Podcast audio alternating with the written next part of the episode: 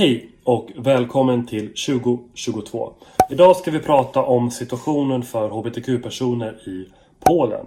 Som under mycket lång tid varit väldigt allvarlig. Men under senaste månaden blivit allt värre när det gäller våld, diskriminering och trakasserier.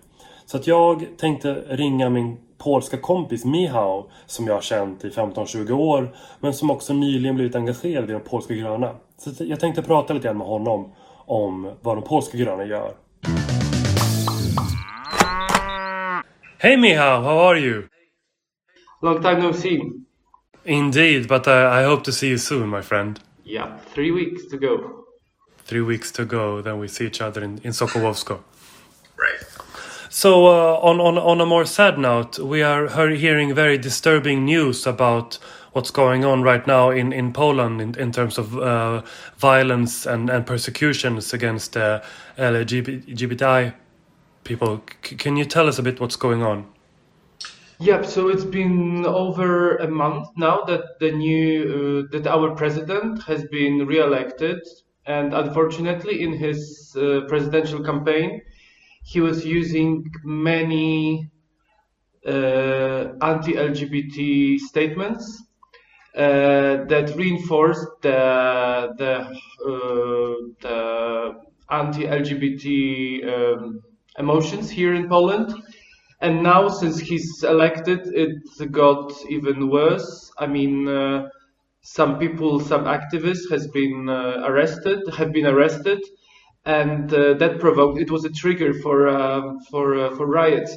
A very good thing is that the rainbow flag has become a symbol of the whole opposition. It's not anymore a symbol of the LGBT community here in Poland, but uh, now going going through Warsaw, you see the flag hanging everywhere.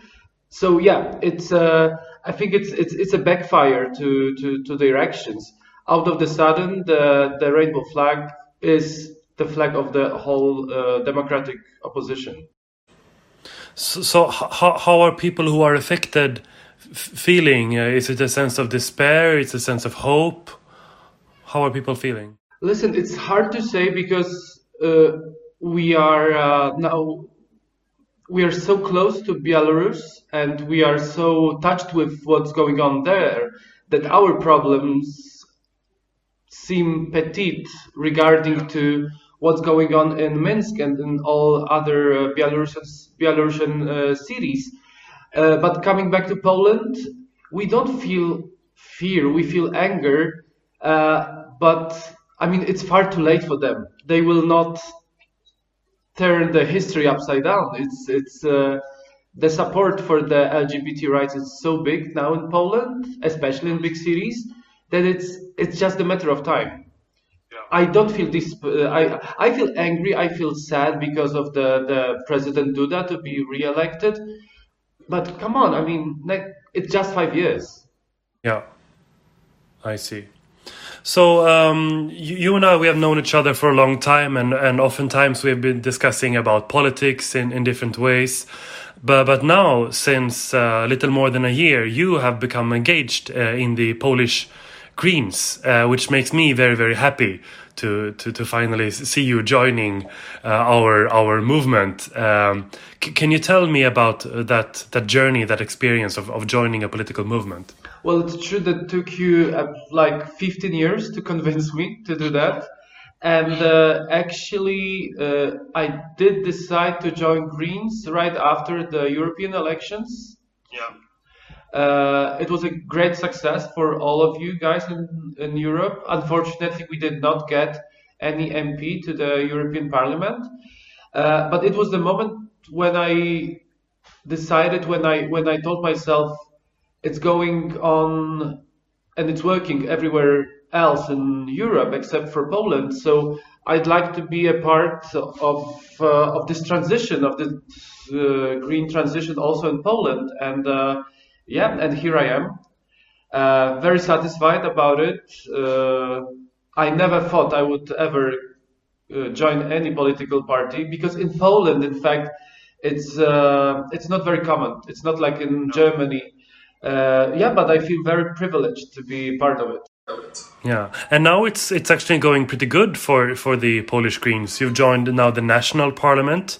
Yes, for the first time in history, we did get three MPs to the to the parliament. They are super hardworking, super visible in the in the political scene. So uh, yeah, it's a very good step towards uh, contributing to the to the national and European uh, politics. Yeah, that that's great. So now, I mean, it's it's more difficult to to become politically active in in Poland than it is in in Sweden.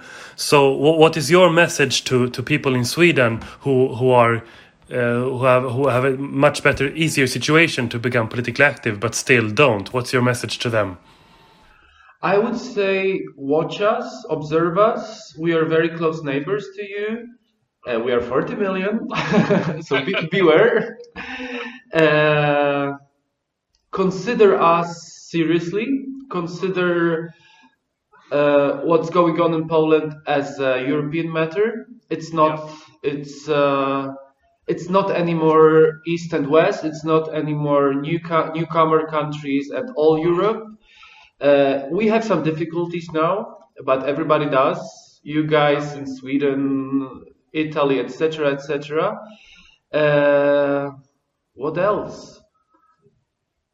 Welcome, I would say. Welcome. If you have any any doubts about how Polish society is or how the country is altogether, just come and debunk your prejudices. I mean, uh, Warsaw has changed so much over these 10, 15 years since I've been going there. And, and the last time when I visited the Polish Greens, I was really uh, impressed. And it's going to be so fun working more with the Polish Greens. Uh, I have this impression that we're meeting not only here in Sokołowsko in the countryside, where we organize the Green University that you contribute to, but you're also coming in December to the to the European Party Green Party Summit, right? Which is organized yes. in Warsaw. Yeah. Yes. So I have this impression that there is a huge potential in uh, in Poland, and uh, you should really take us under under consideration in this holistic European uh, European politics. We will be very glad to be to be a part of it. That sounds great. See you soon. See you. Bye. Cheers. Ciao.